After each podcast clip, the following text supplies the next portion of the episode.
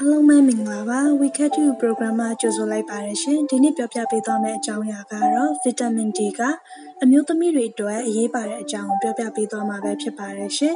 တခါတလေမှာ နေအောင်ကြီးလေးနည်းနည်းလောက် ထိတွေ့တာကလည်း ကျန်းမာရေးအတွက် အထောက်ပံ့ ဖြစ်ပါတယ်နော် မနက်ခင်းနေအောင်ခန္ဓာနွေးလေးအောင်မှာစပိန်စီးနေတာဖြစ်ဖြစ် လမ်းလျှောက်ကြတာဖြစ်ဖြစ် လုပ်ပေးတာခန္ဓာကိုယ်အတွက် လိုအပ်တဲ့ vitamin D ကို ရရှိစေနိုင်ပါတယ် vitamin D က အမျိုးသမီးတွေ ကျန်းမာဖို့ အရေးပါတဲ့ အခန်းကဏ္ဍကနေ ပါဝင်နေပါတယ်။ကာလရှည်ကြာ သိလာခဲ့တဲ့ အသည့်တစ်ခုကတော့ ဗီတာမင် D က အရိုးတွေကိုတမစေတယ်ဆိုတာပါ။ ငယ်စဉ်အရွယ်က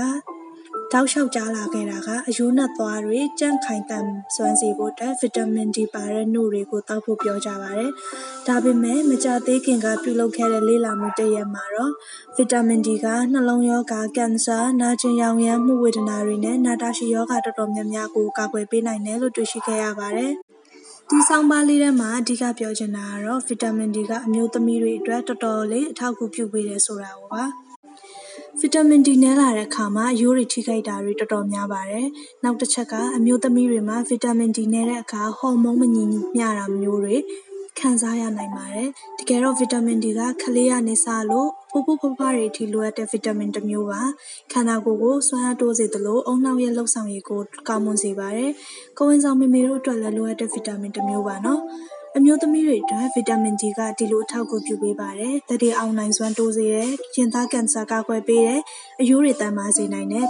ခန္ဓာကိုယ်မှာ ဗီတာမင် D ပြည့်ဝမှ အရိုးနဲ့သွားတွေ ကြန့်ခိုင်စေဖို့အတွက် လိုအပ်တဲ့ ကယ်လ်ဆီယမ်ကို စုပ်ယူနိုင်မှာပါ။တကယ်လို့ ခန္ဓာကိုယ်က ကယ်လ်ဆီယမ် မစုပ်ယူနိုင်ဘူးဆိုရင် အရိုးပွားတာ၊အရိုးပါးတာနဲ့ အရိုးကျိုးလွယ်တာမျိုးတွေ ခံစားရနိုင်ပါတယ်။ဒါကြောင့် သန္ဓေတာအရိုးတွေ ကောင်းစွာဖွံ့ဖြိုးစေဖို့ ကိုယ်ဝန်ဆောင်မိမိတွေအနေနဲ့ ဗီတာမင် D ပြည့်ဝနေဖို့ လိုအပ်သလို ကလေးတွေ၊သက်ကြီးရွယ်အိုတွေလည်း ဗီတာမင် D ပြည့်ဝနေဖို့ လိုအပ်ပါတယ်နော်။ ပြီးတော့ကိုယ်ခံအားလည်းကောင်းစေပါတယ်။ဗီတာမင် D ကပြင်ပရောဂါတွေကိုခုခံတိုက်ထုတ်ပေးတဲ့ကိုယ်ခံအားစနစ်ကိုကျန်းမာနေစေဖို့အားဖြည့်ကူညီပါတယ်။ဒါကြောင့်ဖျားနာမှုနဲ့ရောဂါပိုးတွေအန္တရာယ်ကနေကင်းဝေးစေချင်တယ်ဆိုရင်တော့ဗီတာမင် C ကိုနေ့စဉ်ရရှိအောင်လုပ်ဆောင်ဖို့လိုအပ်ပါမယ်နော်။ဒီတော့အခုလိုပြဿနာတွေကင်းဝေးစေဖို့ဆိုရင်နေ့စဉ်ပုံမှန်မနက်ခင်းနေအောင်ကြည်နွေးနွေးလေးကိုထိတွေ့ပေးတာဗီတာမင် D အားဖြည့်စေတွေတောက်သုံးပေးတာဖြစ်ဖြစ်လှုပ်ဆောင်ပေးလို့ရပါတယ်။အားလုံးကျေးဇူးတင်ပါတယ်ရှင်။